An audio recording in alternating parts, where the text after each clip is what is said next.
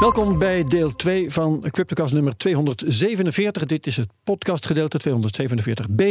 In 247a hebben we het gehad over het laatste crypto-nieuws. Vind je als de vorige aflevering uh, ook als podcast. En nu gaan we praten over DNB, de Nederlandse bank. Het recent verschenen crypto-rapport van de bank met mijn gast eh, Milan de Rede. Hallo, hartelijk welkom. Ja, dankjewel.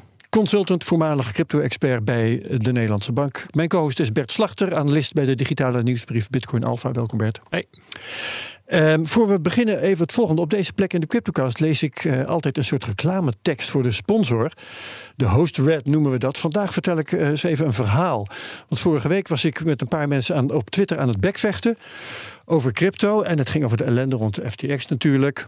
Uh, of crypto als zodanig nou bedrog is, ja of nee. Het woord piramidespel viel natuurlijk ook weer.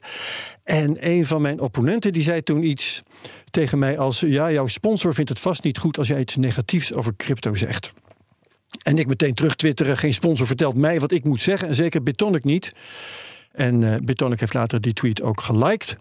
Um, nou, als mijn tegenstander de CryptoCast nou echt kende, dan had hij kunnen zeggen: Oh, en die wekelijkse hostred dan? Want ja, dat is nou net een tekst die die sponsor mij wel in de mond legt.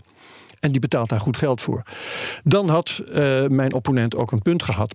Behalve dat we nou net vandaag, precies een week geleden, uh, met de sponsor een gesprek hebben gehad. waarin we hebben besloten dat we het anders gaan doen. Bitonic zei, kort samengevat: Weet je wat jij doet? Verzin voortaan zelf maar wat. En dat uh, ga ik dus doen. Dat heb ik bij deze gedaan. Deze week dit verhaal. Volgende week geen idee wat we dan gaan doen. Maar ik denk wel korter dan deze keer, denk ik. Suggesties daarvoor zijn welkom. En tot zover voor vandaag. De host Red. Um, dan nog iets anders. Als je graag luistert naar de Cryptocast namens de redactie, vergeet dan niet je te abonneren. Dan ben je elke week direct op de hoogte van de nieuwste aflevering. Um, en voor we dan aan het gesprek met Milan beginnen, nog één ding. We hebben contact gehad met DNB over mogelijke deelname aan de Cryptocast. En daar zijn we niet uitgekomen. DNB wilde niet aanschuiven binnen het bestaande format van de Cryptocast. Ze hadden wel allerlei uh, vormen in gedachten waarbij ze dat dan eventueel wel wilden doen. Maar daar voelden wij weer niet voor, omdat we dan eigenlijk een heel programma zouden gaan zitten maken. Dus uh, toen hebben we uh, ja, agree to disagree, zeg maar. En DNB doet niet mee. Goed. Nu echt beginnen, Milan de Rede. Um, wat we altijd aan nieuwe gasten vragen. Hoe ben jij ooit in aanraking gekomen met crypto? Dat zijn altijd leuke verhalen. Dus wat is jouw verhaal? Ja, ja ik uh, zag de vraag natuurlijk al aankomen. Dus ik ben ja. nog aan het zoeken geweest wanneer het precies was. Hoe ging het ook weer? Waar was je toen? Ja, ja, ja, nee, voor mij is het vrij lang geleden. Het was eind 2012, begin 2013. Ik heb niet precies kunnen vinden wanneer het was. Want het was op een oude computer van me en met en Skype. Hoe oud en was je toen? Toen was ik, poeh, uh, toen was ik ik denk een jaar of tien geleden, rond de 18, 19, okay. zoiets. Ja, ja. ja.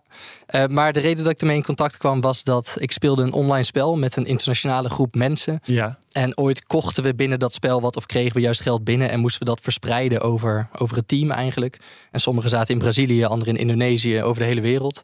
Um, nou ja, traditionele betaaloptie is vrij duur en langzaam. Dus toen uh, kwam iemand kwam met het idee om dat eens een keer met Bitcoin te proberen. Super onpraktisch, want exchanges waren er toen nog niet heel erg. Nee. Maar wel leuk om een beetje mee, mee te proberen. En Wallace werkte misschien op de command line nog. Het was, uh, ja, het was een beetje een drama om dat werkend te krijgen, inderdaad. Maar ja, wel leuk om gewoon eens te proberen. Maar en die zo, hele groep uh, accepteerde dat wel. Ja, omdat het ook wel ging om kleine bedragen. Dus we oh, hebben ja. gewoon een beetje voor de lol eigenlijk heen en weer zitten sturen. Zelf zo'n op de computer een note gezet. Ja. Sommigen zijn gaan minen. Het ging over enkele tientallen bitcoins. Wat was dat nou? Nou ja, dat was inderdaad, als je terugdenkt, denk je van ja, het zijn, nu zijn het belachelijke bedragen. Destijds was dat gewoon, ja, weet je, leuk. Even proberen met dit nieuwe, deze nieuwe techniek. Ja, ja, ja. Ja, ja dus, dus lang geleden. Oké, okay. wat is uh, qua opleiding jouw achtergrond? Ik heb uh, in Tilburg eerst International Business Administration gestudeerd. Een soort van Engelstalige bedrijfseconomie. En daarna een master in, in finance gedaan, ook in Tilburg. Die was vooral toegespitst op uh, pensioenen aan de ene kant en aan de andere kant op CFA. Dat is een bepaalde titel binnen finance. Ja. Maar eigenlijk niks dat te maken heeft met, met crypto. Nee, en, en nog uh, een baan of banen gehad voordat je bij DNB terecht kwam? Ja, ik uh, heb tijdens mijn bachelor een eigen bedrijf gehad. Wat te maken had met studiefinanciering. En tijdens mijn master een ander eigen bedrijf. Wat ja, een soort van ingewikkeld financiële constructie was. Dat is ook hoe ik voor het eerst in contact ben gekomen met DNB. Omdat ik dat moest laten keuren door DNB. Ah, oké. Okay, uh, dus dat was uh, mijn eerste aanraking met DNB. En, Oké, en toen zeiden ze meteen, weet je wat, kom gewoon bij ons werken. Nee, nee, dat, dat niet zozeer. Toen was het nog een heel bureaucratisch proces eigenlijk. En had ik niet de hoogste pet op van DNB. Ehm, daarna heb ik op een gegeven moment ging ik een baan zoeken. En toen kwam ik een traineeship tegen van DNB. Waarbij, nou ja, zoals bij de meeste traineeships waarschijnlijk, je een soort van rotatie doet. Verschillende functies binnen, in dit geval de Nederlandse bank, vervult. En eigenlijk alle takken van het bedrijf of de institutie uh, ziet. Dus uh, zo ben ik er ooit binnengekomen en toen uh, had ik een wat betere mening van DNB. Zo'n zo traineeship, hè? is dat iets wat je gewoon kunt gaan doen? Of moet je daar ook nog een soort van geselecteerd voor worden? ambities? Nee, nee, nee, nee, nee, Ik was benieuwd. Het klinkt namelijk wel als een soort van uh, talentenklasje of zo, wat je soms ook ja. hebt. Bij, ja, ja, ja, dat is inderdaad wel het idee. Er, uh, ik zit even te denken, ik weet niet precies hoeveel er in mijn jaar hebben gesolliciteerd. Maar meestal zijn het er rond de, nou zeg, 200, 300 geloof ik. En dan worden er een stuk of 10 uiteindelijk die okay. worden gekozen. Dit jaar waren het er 14. Ze hebben het iets uitgebreid. Maar ja, inderdaad, het is, het is wel een vrij intense selectie. Uh, ik kan het mensen wel aanraden, moet ik zeggen.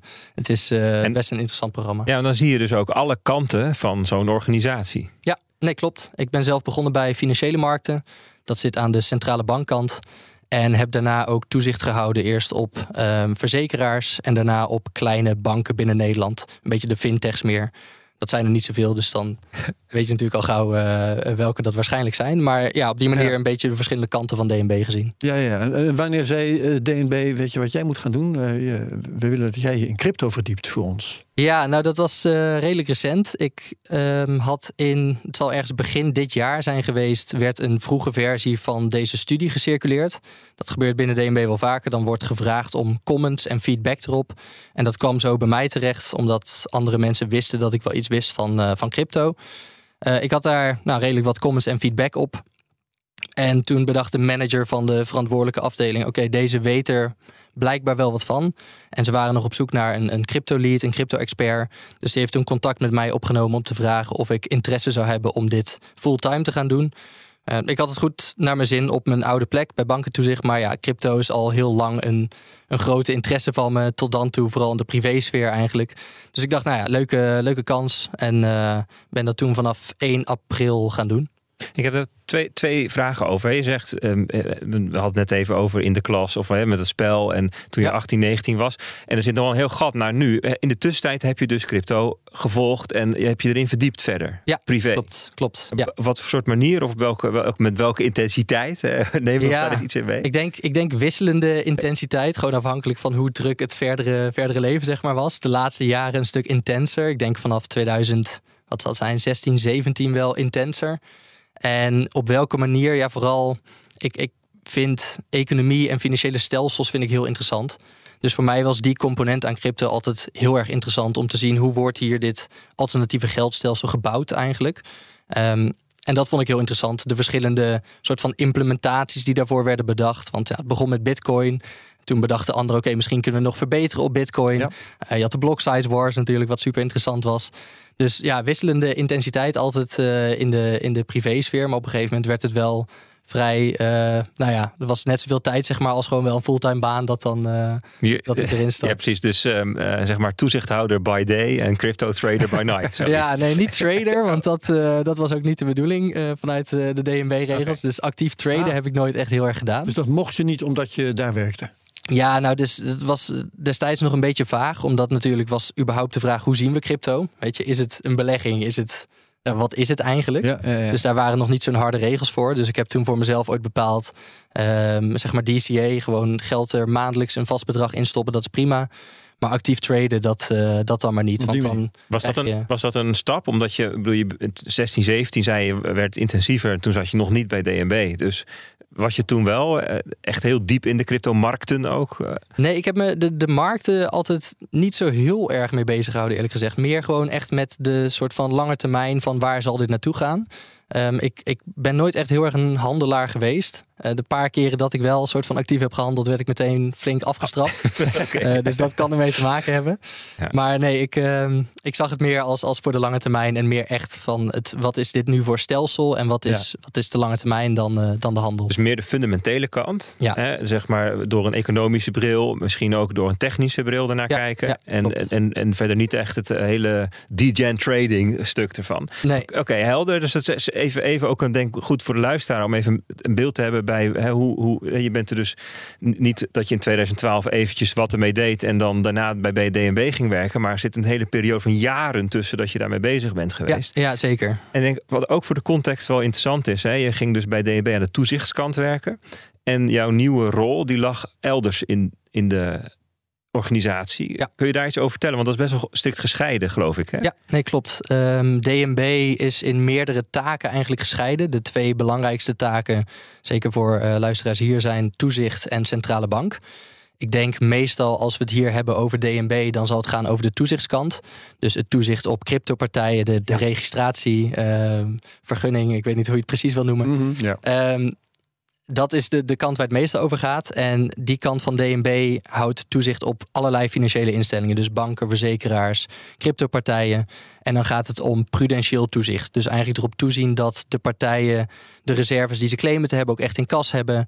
Dat uh, de goede de governance. ook wel relevant. Ja, ja zeg maar dat uh, alles wat bij FTX misging, zeg maar, dat is waar DNB eigenlijk op toeziet bij Nederland. We in het nieuwsgedeelte 247a uh, uitgebreid over gehad. Ja, ja.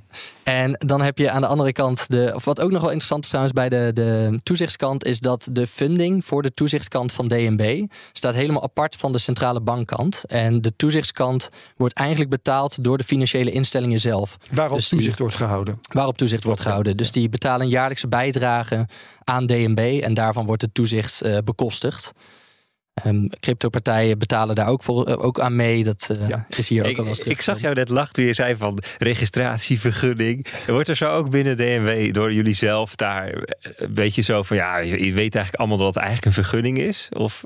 Um, nou, ik moet zeggen, dit, dat is niet mijn afdeling geweest natuurlijk. Dus ik, ik kijk hier meer in naar... In de kantine, zeg maar. Weet je, gewoon bij de koffie. Ja, ja, vind ik moeilijk om te zeggen. Dat, uh, ik, ik denk, uh, officieel is het natuurlijk sowieso een registratie. Vind ik moeilijk ja. om hardop te zeggen, bedoel je waarschijnlijk eigenlijk. Nou ja, ik uh, probeer daar, ik heb daar mijn eigen mening over of ja. het een registratie of vergunning is. DNB heeft daar een officieel standpunt over dat het Inderdaad. natuurlijk een registratie is. Um, dus daar, daar zal ik het dan, uh, zal ik het dan nee, dat is goed, maar het is mijn rol om even te peuteren. Eens even te kijken wat er nog... Uh...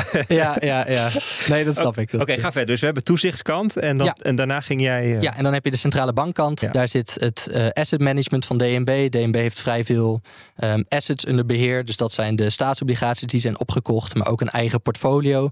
En goud. Um, en goud, ja, ja. zeker. Mm -hmm. En goud. Met het rendement op dat vermogen wordt ook die kant van DNB bekostigd. Dus dat wordt niet betaald oh. door de overheid of iets dergelijks. Dat is echt uh, vanuit, uh, dus vanuit die zin is DNB gewoon een belegger? Ja, eigenlijk wel. En sterker nog, DNB maakte de afgelopen jaren best veel winst op hun vermogen. En dat werd dan uitgekeerd grotendeels aan de Nederlandse staat. Want dat mm. is de enige aandeelhouder. Ja.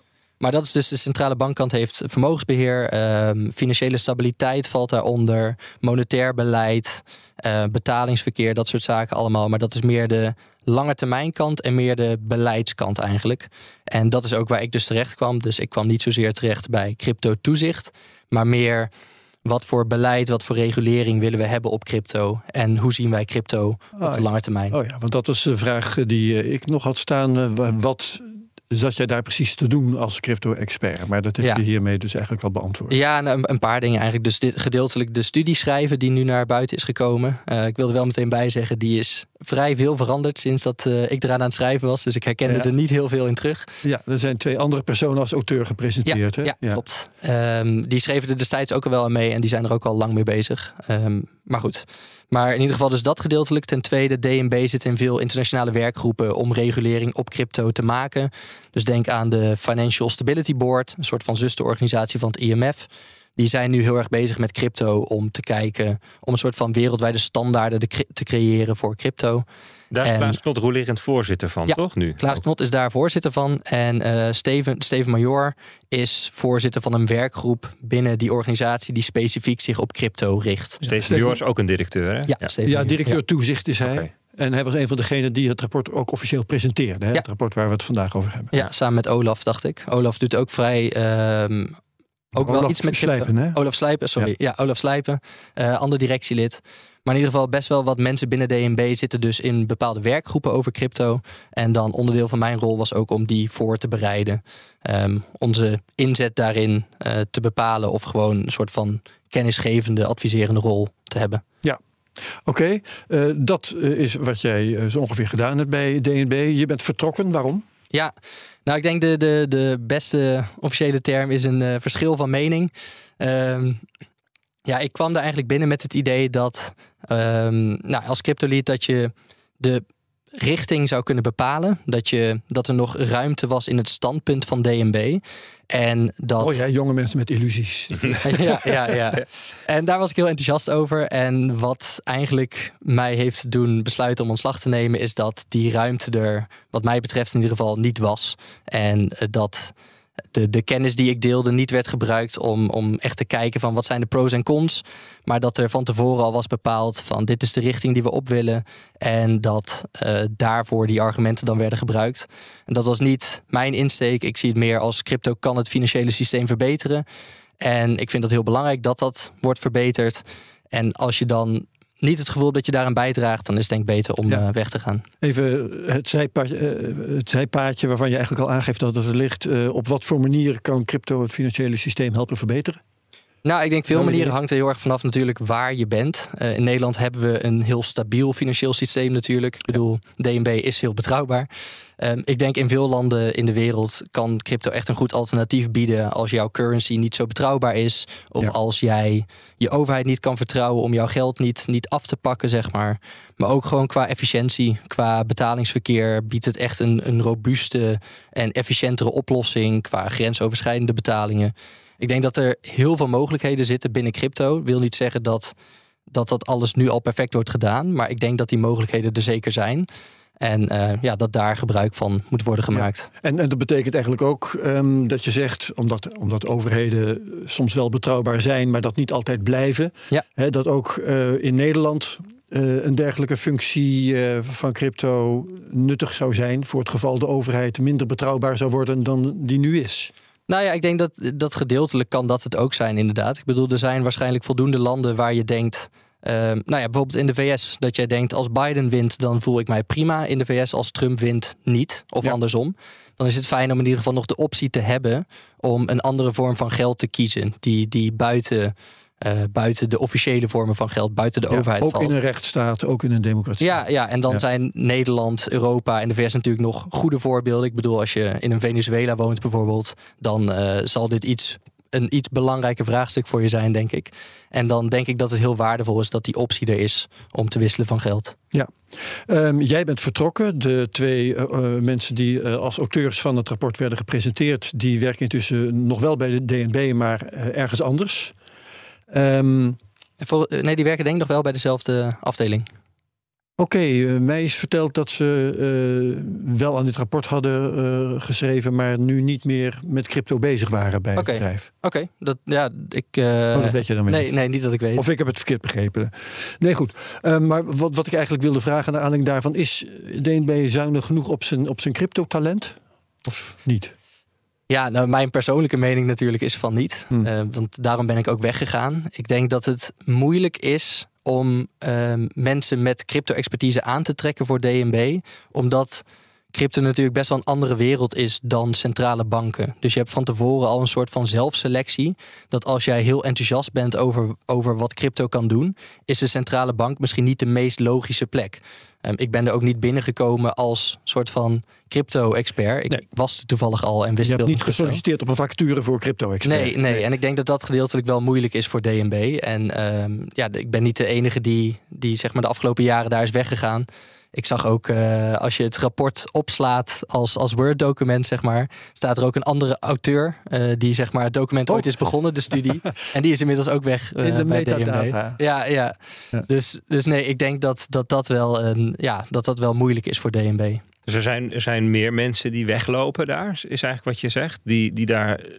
Ja, er zijn al meer mensen weggegaan, ja. Je hebt overal natuurlijk verloop, maar ja, er zijn wel wat mensen weg. Hey, en, en, maar hoe is het kennisniveau in het algemeen dan? He, ik, bedoel, ik, kan, ik ken jou, ik heb jou uitgebreid gesproken. Dus ik, ik, ik kan wel zeggen dat jij er een heleboel van begrijpt. En het echt, eh, wel echt crypto-expert bent. Maar hoe, hoeveel mensen zijn er met jouw expertise niveau?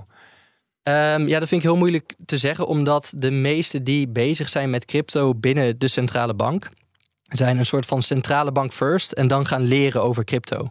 En dat is denk ik een heel andere insteek dan als jij al veel van crypto wist en toevallig bij de centrale bank komt werken. Ja. Uh, wat ik persoonlijk enigszins teleurstellend vond, was hoe weinig mensen bijvoorbeeld ooit een transactie echt hadden gedaan. Of gewoon überhaupt crypto hadden oh. geprobeerd. Ehm, ik denk dat dus als jij. Privé, een keer toch eens kijken wat het is. Een, ja, precies. Ik tientje bitcoin kopen en daar eens wat mee gaan schuiven. Dat wordt eigenlijk niet gedaan. Nou ja, weinig. Hm. Ehm, ik heb op een gegeven moment een, een, presentatie gegeven binnen DNB. Om ieder, iedereen die interesse had. Om die een crypto-transactie te laten doen. Dus gewoon een wallet aanmaken. Uh, ik stuur je wat crypto en dan kan je het zelf weer versturen naar een goed doel, was het destijds. En daar was ook heel veel interesse voor. Dus het is niet dat de interesse er niet is, maar ik denk dat er ja, de, gedeeltelijk door die zelfselectie is er gewoon ehm, een soort persoon dat werkt binnen DNB is over het algemeen niet een crypto-enthousiasteling. Dus het, het kennisniveau vond ik niet hoog genoeg, laat ik het zo zeggen. Ja, oké. Ehm, nou hebben we al verschillende keren aangestipt dat jij eh, bezig bent geweest met uh, dat rapport ja. waar we het vandaag over hebben.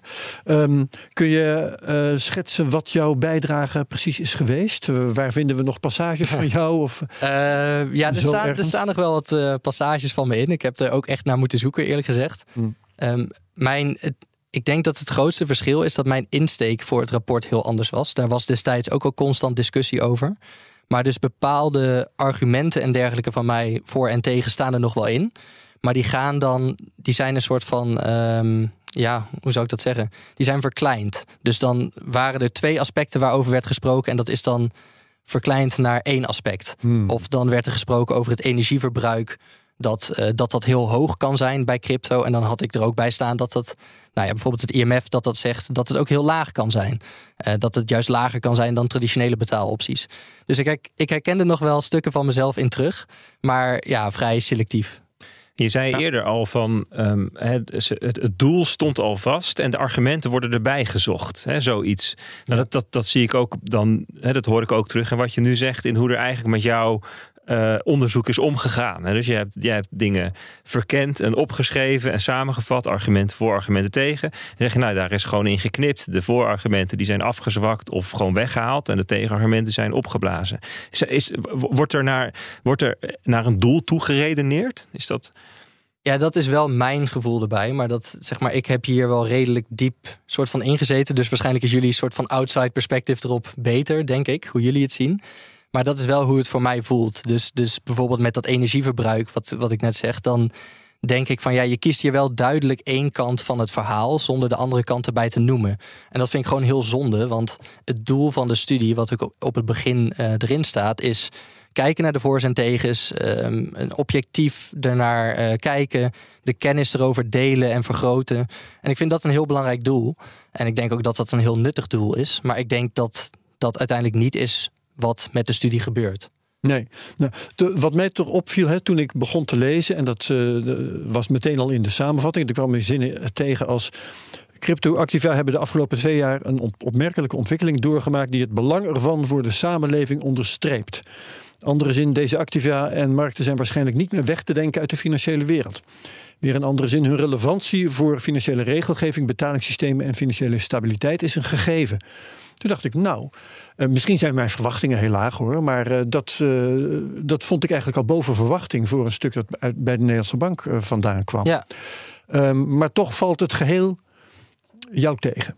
Nou, ik denk dat wat je zegt klopt. Er staan ook zeker positieve punten over in. Maar hoe ik het heb gelezen, is dat dat vaak gaat over de technologie voor de betalingen. Wat, wat ik ook zie als heel waardevol. En dat voegt veel toe, inderdaad. Dat je de techniek achter crypto kan gebruiken voor goedkoper grensoverschrijdend betalingsverkeer. Ik zeg maar iets. Ja. Maar dat dat wel maar één kant, kant van het verhaal vertelt. Dus ik denk dat op een gegeven moment quoten ze Satoshi Nakamoto en dan zeggen ze ja, de crypto-belofte van online betalingen makkelijker maken en goedkoper. En dan denk ik, ja, dat, dat is wel een van de dingen die hij heeft gezegd, maar dat is niet het hele verhaal. Als je kijkt naar de, de allereerste forumpost, dan staat er eh, op een gegeven moment: uh, The root problem with conventional currencies is all the trust that's required to make it work. Hmm. The central bank must be trusted not to debase the currency, uh, but the history of fiat currencies is full of breaches of that trust. Dan denk ik dat is een heel belangrijke component van crypto voor veel crypto-enthousiastelingen. Ja. En dat is ook het gedeelte dat direct slaat op de centrale bank. Weet je, het wordt letterlijk genoemd dat het als een soort van alternatief voor dat paradigma is. En ja, wat, wat ik zie in die studie is dat dat perspectief, die discussie, wordt vermeden. Um, dat, dat die argumenten gewoon niet echt worden genoemd. En ik kan begrijpen dat je als centrale bank het niet als positief ziet. Dat er een vorm van geld is waarbij de geldhoeveelheid en de regels niet kunnen worden aangepast door een centrale bank. Ehm, maar door het niet te noemen, ja, ik zie dat meer als een soort van eh, een beetje een zwaktebod. Want je kan het prima noemen en je kan het daarmee oneens zijn als centrale bank en dan argumenten ertegen geven en zeggen wij zien dit niet als waardevol omdat ABC. En wij denken dat um, een systeem met een centrale bank waardevoller is, want X, Y, Z. Daar kunnen redenen voor zijn. Ja. Precies. Ja. is een bepaalde onoprechtheid eigenlijk. Ja, ik, en ik, ik denk dat dat het rapport wat verzwakt. Want er zijn heel veel slimme mensen binnen DNB die veel weten van monetair beleid. En die kunnen echt wel die argumenten bedenken en goed op papier zetten. En daar een, een open discussie over voeren. Maar door het niet te noemen, uh, ja, ik zie dat meer als: oké, waarom wil je het dan niet noemen? Denk je dat dat dat dan te overtuigend is als het er, erin staat of iets dergelijks. En dat vind ik een beetje een gemiste kans als je er objectief naar wil kijken. Ja, ja, ja. En, en wat, wat mij opviel was, uh, oké, er worden dan mooie woorden gesproken over crypto in het algemeen. Hè? En um, ga je dan verder lezen, dan blijkt over wat ze dan noemen de ongedekte crypto's, dus bitcoin en ether en dergelijke, ja, die zijn uh, toch eigenlijk vooral geschikt om mee te gokken. Ja. En datgene wat dan nog een beetje als geld zou kunnen functioneren, uh, dan, dan, hebben ze het eigenlijk vooral over stablecoins. Ja.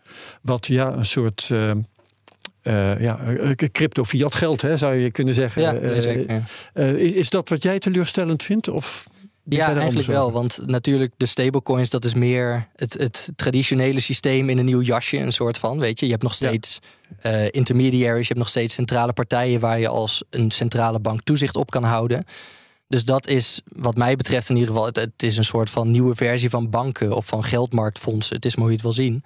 Maar dat is niet de vernieuwing binnen crypto, vind ik. Dus dat is een beetje wat ik bedoel met dat is wel de technologie, maar nog steeds binnen het, het oude systeem eigenlijk. Ja, ja. Eh, Bert, jij um, vraagt samen met mij, uh, Milan, nu het hemd van het lijf. Maar wat is jouw mening eigenlijk over het, uh, het hele rapport van DNB? Nou, ik had in eerste instantie eenzelfde soort um, de, de, de gedachte als jij. Dus van hé, hey, hier staan best wel hele mooie observaties in. En best wel mooi verwoord ook. Mhm. hè, over um, wat het eigenlijk is. Hè. Dus het, het, het, um, het kunnen doen van het kunnen overdragen van cryptoactiva zonder afhankelijkheid van intermediairs, weet je wel, dat soort dingen. Hey, ja, dus zit ja. op best wel veel punten raken ze wel wat nou de essentie is van de technologie ook voordelen die ze noemen. Ik noem even wat voordelen. De technologie ondersteunt mondiale overboekingen binnen enkele seconden. Potentieel met een laag energieverbruik. Um, de crypto's zijn moeilijk in beslag te nemen door een corrupte overheid. Um, 20, 24 uur per dag beschikbaar. Um, grote robuustheid, allemaal van dat soort dingen. Ik denk van nou, best wel, um, best wel, best wel aardig. En op een gegeven moment zag ik ook wat bescheidenheid. Hè. Op een gegeven moment uh, iets van de toekomst zal uitwijzen welke mate van decentralisatie in de praktijk mogelijk is. Het is onmogelijk om de rijkwijd te voorspellen van de innovatie. Ehm, net zoals het potentieel van het internet ook twee decennia geleden niet te voorspellen was. Ja, die parallel zien wij ook. Ja, ja, ja. En, en, en ook in traditionele financiële markten doen, doen zich marktfalen voor. Hè. Dus is het, het is een bepaalde afstand lijkt er soms te zijn gekeken naar dingen. Dus dat is de eerste. Denk van, hé, hey, interessant.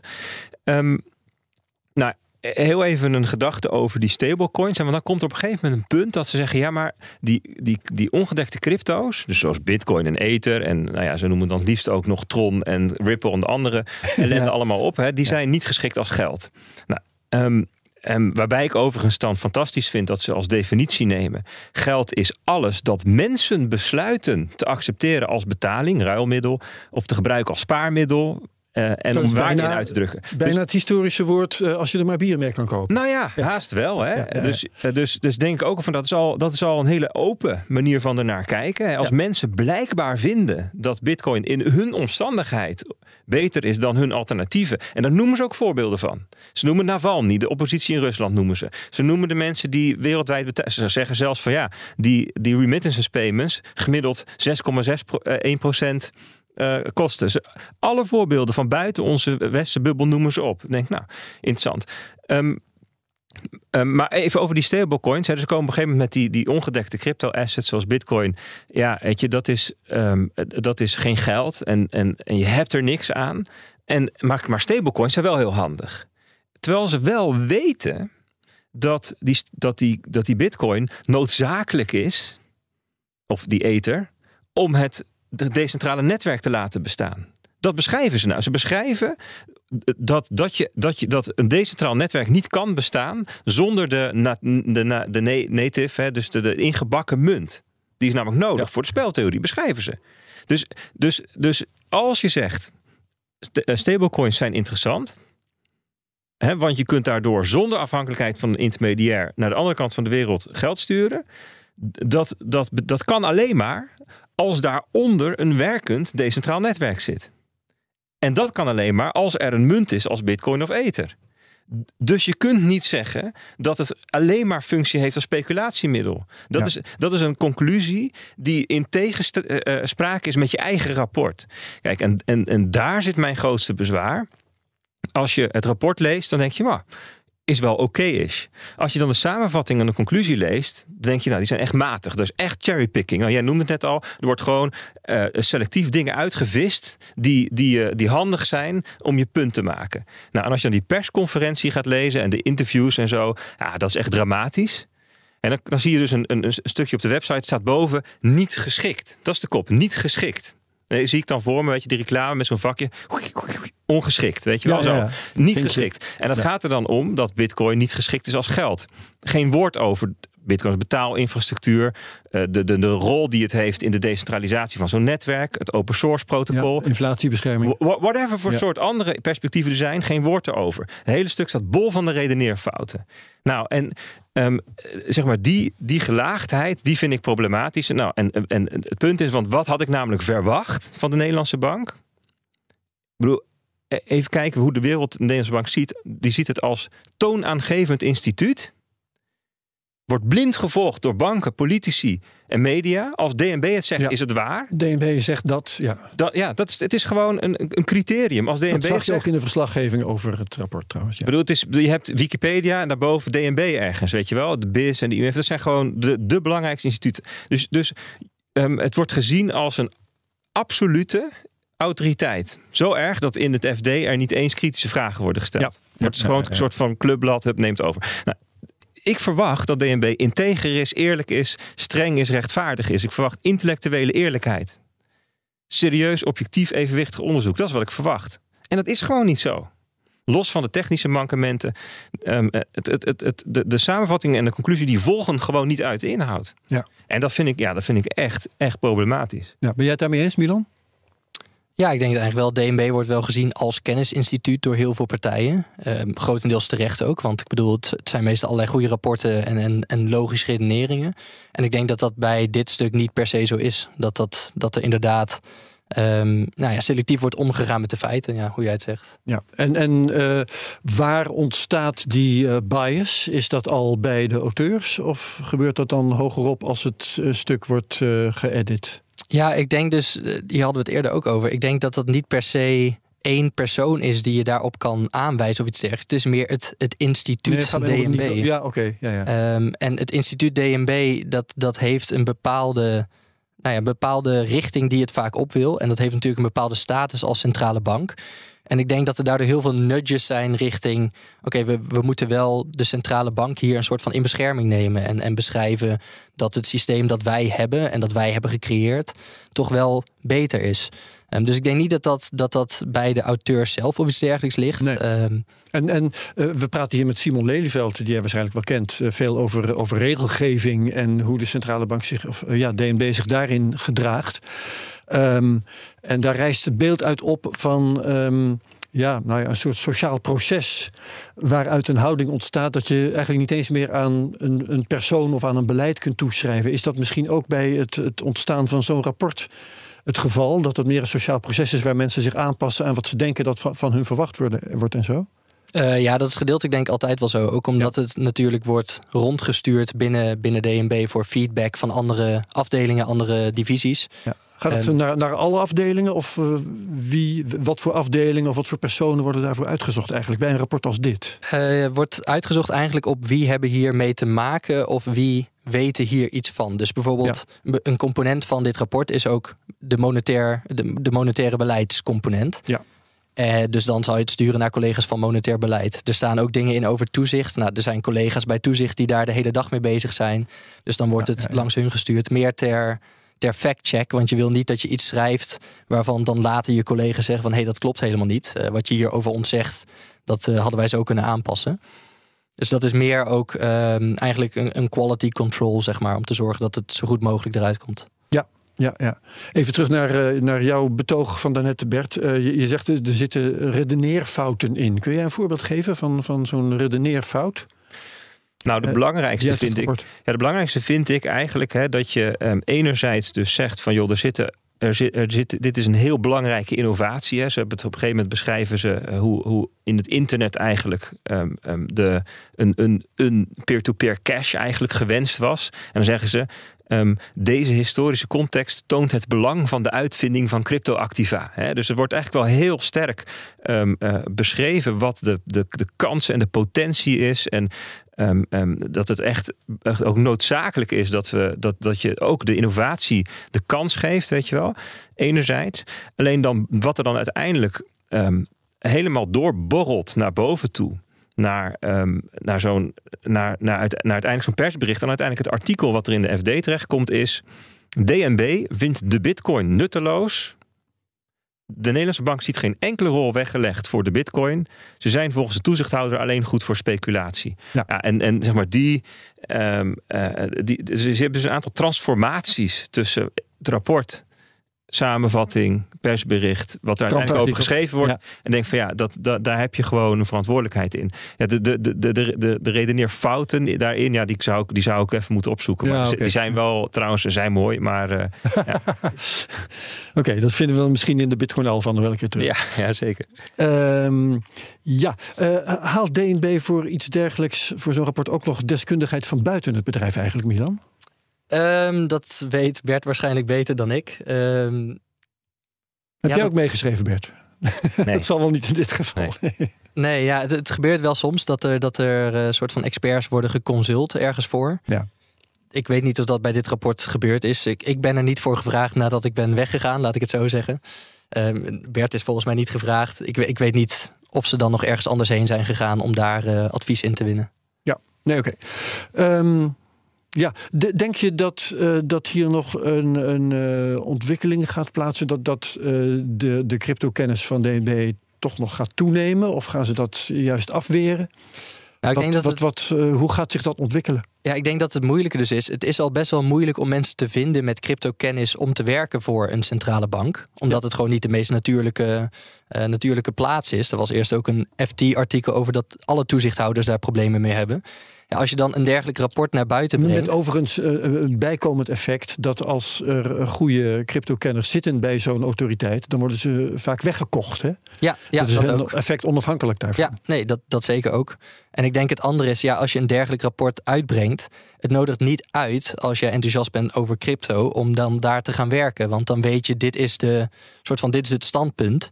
Uh, dan, dan kan je er naartoe gaan natuurlijk met het idee van ik ga dat veranderen. En dat vind ik een heel uh, nou ja, een heel mooi idee om dat te doen. Maar ik denk niet dat je met zo'n rapport uitbrengen zorgt dat er meer mensen solliciteren bij DNB op cryptofuncties. Nee. Dus, dus in die zin, ja, ik, ik, ik denk dan niet per se dat de kennis. Um, nou ja, natuurlijk intern kunnen mensen prima nog gaan leren over crypto. Dus dan krijg je wat ik zei van centrale bank first en dan leren over crypto. Dat kan natuurlijk nog prima doorgaan. En dat gebeurt ook. En dat is ook nodig, denk ik. Omdat crypto blijft, wat DNB zelf ook zegt. Mm. Maar ja, ik, ik denk niet dat het uh, qua mensen aantrekken heeft geholpen. Nee, Nee. Um, wat hebben ze nou eigenlijk beoogd met uh, dit rapport? Uh, sommige mensen zeggen nou cryptodissen, anderen zeggen ze hengelen naar uh, een zwaardere rol bij het toezicht dat ze hebben. Er komt natuurlijk nog een hele hoop toezicht aan. wie krijgt dat? In, wie mag dat gaan doen? Um, dus wat, wat denk jij dat de bedoeling is geweest van het uitbrengen van, deze, van dit verhaal? Nou, ik denk dat één bedoeling is geweest er wordt heel veel gezegd en geschreven over crypto en het leeft in de samenleving. En eigenlijk hebben wij als DNB hier überhaupt nog niet zo heel veel over gezegd. Dus dat is een eerste gat dat moest worden gevuld, denk ik. En dan is natuurlijk het idee om daar gewoon goed naar te kijken en, en kennis te verspreiden hierover. Want daarvoor zijn die occasional studies. Dit was een occasional study over crypto. Dus verspreid die kennis. Ik denk dat uiteindelijk het, het doel waar naartoe is geschreven inderdaad is laat zien dat crypto risicovol is, dat het, dat het speculatief is en dat dit geen soort van alternatief is voor de euro, dat dit geen bedreiging is voor centrale banken. Voor mijn gevoel is dat waar uiteindelijk naartoe geschreven is. Um, qua regulering, ja, dat, ik las het ook inderdaad als dat DNB eh, wil dat er strengere regulering opkomt en dat DNB daar grotendeels voor verantwoordelijk uh, gaat zijn. Natuurlijk gedeeltelijk onder MICAR um, komt die regulering er al aan. En daarvan zal ook een gedeelte bij DNB terechtkomen. Ik weet niet precies welk gedeelte en ik weet ook niet precies welk gedeelte daarvan publiek is, wat waar terecht komt. Dus daar zal ik proberen niet al te veel over te zeggen. Um, maar het voelt wel in dat rapport inderdaad alsof DNB meer verantwoordelijkheid over crypto wil zien. Dat, dat het idee is, deze markt heeft zich lang genoeg buiten de kaders kunnen ontwikkelen. Laten we nu um, het wat volwassener gaan maken door daar toezicht op te gaan houden. Ja, ja. Um, wat vind jij eigenlijk, Bert, uh, als, als de vraag is: wat heeft DNB met dit rapport willen bereiken? Ja, ik, dat, het, het toezichtstuk is wel een heel belangrijk onderdeel van de verredeneerlijn. Dus dat, dat zou heel goed kunnen. Ze zeggen op een gegeven moment ook: hè, um, de belangrijkste belofte van cryptoactiva kan het best uh, worden vervuld binnen een regelgevend kader dat de risico's van marktfalen mitigeert. Voor DNB betekent deze, betekent deze uitbreiding van de regelgeving een verbreding van haar taken als toezichthouder mm. en centrale bank. Dus daar wordt wel, wel op voorgesorteerd. Een soort van jongens, het is echt heel belangrijk dat er voldoende budget is voor het toezicht en dat we dat heel serieus gaan nemen. Dus dat zou heel goed kunnen, dat dat onderdeel ervan is. Um, maar ja, misschien dat het ook wel, misschien dat ook wel het probleem is dat er meerdere doelen door elkaar lopen of zo. want als je alleen maar als doel had gehad van jongens, laten we nou eens gewoon objectief beschrijven wat we zien, dan krijg je een ander soort rapport dan als je zegt van nou ja, we moeten het eens hebben over toezicht of over de uitwassen die er zijn. Dus misschien is dat ook wel onderdeel van het probleem. Ja. Maar, uh, maar ja, het is, het is voor mij echt gissen wat ze hier nou mee willen bereiken. Ja, ja. ja. en verder kun je afvragen. Um, hoe, hoe, hoe breng je die twee werelden bij elkaar? Want vanuit de, crypto, vanuit de cryptowereld uh, wordt gezegd: uh, nou ja, DNB is hier partij in. Hè, en we hebben de crypto, we hebben crypto, we hebben fiat. die hebben allebei hun verdiensten. Zijn wij hier in deze studio, denk ik, geneigd te zeggen. Um, hoe verstandig is het om een club die partij is daarin eh, toezicht in handen te geven? Bij DNB zullen ze zeggen: ja, we, horen eens even, crypto is nou eenmaal niet zo goed. Wij gaan over geld en dat moeten we allemaal bewaken, dus het hoort juist wel bij ons. Hoe weeg je die dingen af? kijk maar even naar jou in eerste instantie. Ja, nee, ik, wilde zeggen, er, er, is natuurlijk ook heel veel voor te zeggen dat er meer toezicht moet zijn op marktpartijen. In ieder ja, maar daar zijn we het hier ook over eens. Ja, precies. En Ik, ik, denk dat wat er soms in het rapport ook bijvoorbeeld een beetje door elkaar loopt, is, is crypto als zeg maar base layer en, en cryptomarkten. Mm Dus dat als je zegt dat de tegenpartij risico is, ja, dat is zeker zo. Dat hebben we weer gezien bij FTX. Dat als je het op een exchange hebt staan, heb je dat tegenpartij risico. Dat willen we niet te vaak. Nee, nee, precies. En tegelijkertijd op de base layer, ja, heb je geen tegenpartij risico natuurlijk als jij het in eigen beheer hebt. Um, en ik denk dat, dat die verwarring in het stuk wel vaker terugkomt. Maar qua, ja, qua toezicht, het lijkt mij alleen maar een goed idee als, als de exchanges die er zijn dan ook zo gereguleerd worden dat die uitwassen niet meer, uh, niet meer plaatsvinden. Dus daar in, in die zin, daar kan. Maar dan zou je graag toezicht willen door een partij die echt doorgewinterd is in crypto. Ja, ja welke, welke partij zou dat dan zijn? Ja, een goede. Die, die is er niet. Nee, want die is ook, heeft, is ook weer partijdig natuurlijk. Dus je hebt over Zeker vanuit het standpunt van DNB dan uh, geredeneerd. Ja, dus als je, als je toezicht uh, gaat houden, dan wil je dat dat een um, neutrale partij is die wel veel expertise heeft. Maar dit is denk ik een probleem wat breder is dan alleen maar toezicht op crypto of toezicht van de Nederlandse bank. Bij de mm. overheid in het algemeen is een gebrek aan domeinexperts. Hè. Dus het vraagstuk van hoe zorgen we ervoor dat, we, dat de overheid die namens ons, hè, want dat is eigenlijk de overheid, Ook als het is in dienst van ons de bouw bij wijze van nou ja, spreken. Klopt. dus het onderhoud aan de afsluitdijk. Dus dit is een breder vraagstuk van hoe zorg je ervoor dat er bij, bij, bij de overheid uh, mensen zitten die er zo ontzettend veel van begrijpen dat ze op zijn minst in staat zijn om, om te, uh, te kunnen um, beslissen of degene met wie ze samenwerken wel of niet uh, ja, en, en, en te handelen in het belang van de samenleving. Exact. Maar ja, dus, dus, dus op zichzelf heb ik er wel vertrouwen in dat een partij als, het, als de Nederlandse bank in staat zou zijn om die neutraliteit gewoon te borgen. Het zou op zich best moeten kunnen. En dat ze, dat ze enerzijds de centrale bankfunctie hebben en anderzijds ook um, een, misschien een, een soort van onderzoeks- en kennisinstituut zijn, waarbij ze neutraal beschrijven wat er is en dan ook nog eens um, toezicht houden. En dat die drie onafhankelijk van elkaar um, kunnen bestaan, dat zou best moeten kunnen. Dat is helemaal niet uitgesloten. Alleen het lekt nu wel een beetje door ja. naar elkaar, blijkbaar. Ja, um, ja is, is, daar, uh, um, is daar iets op te verzinnen? Uh, hoe, eh, stel dat de Nederlandse bank toezicht krijgt op de cryptowereld. Uh, hoe krijg je het zo dat ze dat ook doen met kennis van zaken? Want jij zegt, Milan, um, ze schrikken nu mensen met cryptokennis gewoon af. Ja, maar ik, wat ik zei, ik denk dat dat een breder probleem is bij alle regulatory agencies, zeg maar. Dat het moeilijk is om hier experts voor te vinden.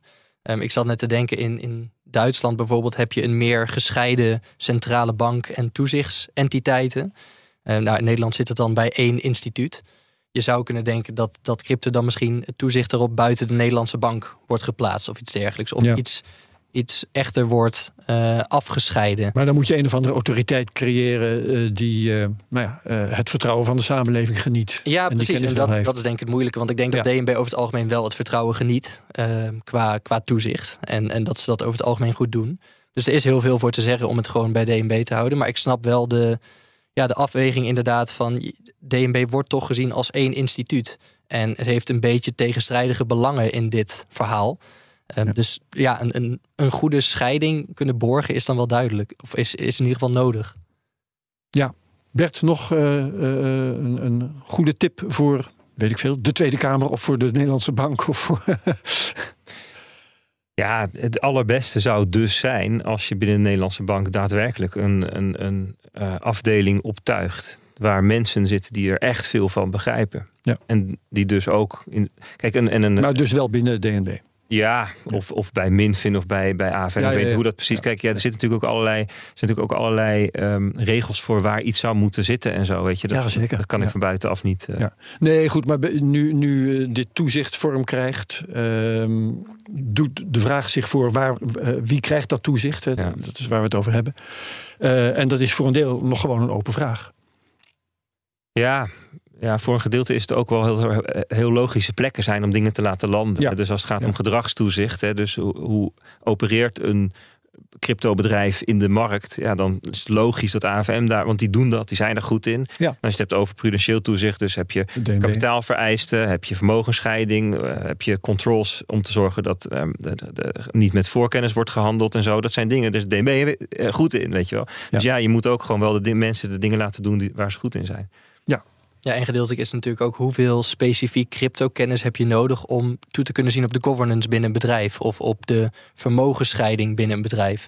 Dat zijn gewoon dat zijn dingen, daar heeft DNB heel veel ervaring mee van alle financiële instellingen. Ja, en dat had bij FTX al een hoop gescheeld. Hè? Ja, er is niet eens heel veel crypto-kennis voor nodig geweest. Nee, nee, ik denk dat sowieso niet heel veel kennis nodig was geweest. Op te eh, knappen, ja.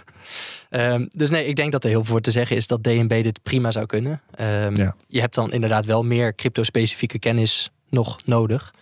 Maar ja, dat, uh, ja dat, dat moet dan ontwikkeld worden. Ja, ja, oké.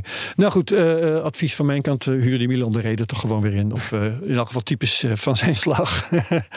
ja. Milan, nog een slotwoord over wat we vandaag hebben besproken? Um, nee, nee, niet specifiek. Ik denk dat we het meeste, meeste van het rapport wel hebben besproken. Dus, ja, Bert? Nee hoor. Oké, nou dan dank ik jullie hartelijk. Uh, Milan de uh, consultant en uh, voormalig crypto-expert bij de nou niet voormalig crypto-expert, maar crypto-expert voorheen bij de Nederlandse ja, Bank. Ja, ja. Bert Slachter van Bitcoin Alpha, de digitale nieuwsbrief op bitcoinalpha.nl. Volgende week dan spreken we met Raoul Esseboom, oprichter van Crypto Takkies, over het overbrengen van bitcoin en blockchain aan een jonge doelgroep. Dat wordt leuk. Co-host is dan Krijn Soeterman. Vergeet deze CryptoCast niet te delen met je volgers op Twitter. Gebruik dan de mention at CryptoCastNL. Reviews kun je achterlaten op Apple Podcasts, want dan worden wij beter gevonden door andere liefhebbers. Like, subscribe en comment op YouTube. Iedereen bedankt voor het luisteren en graag tot volgende week. Dag allemaal.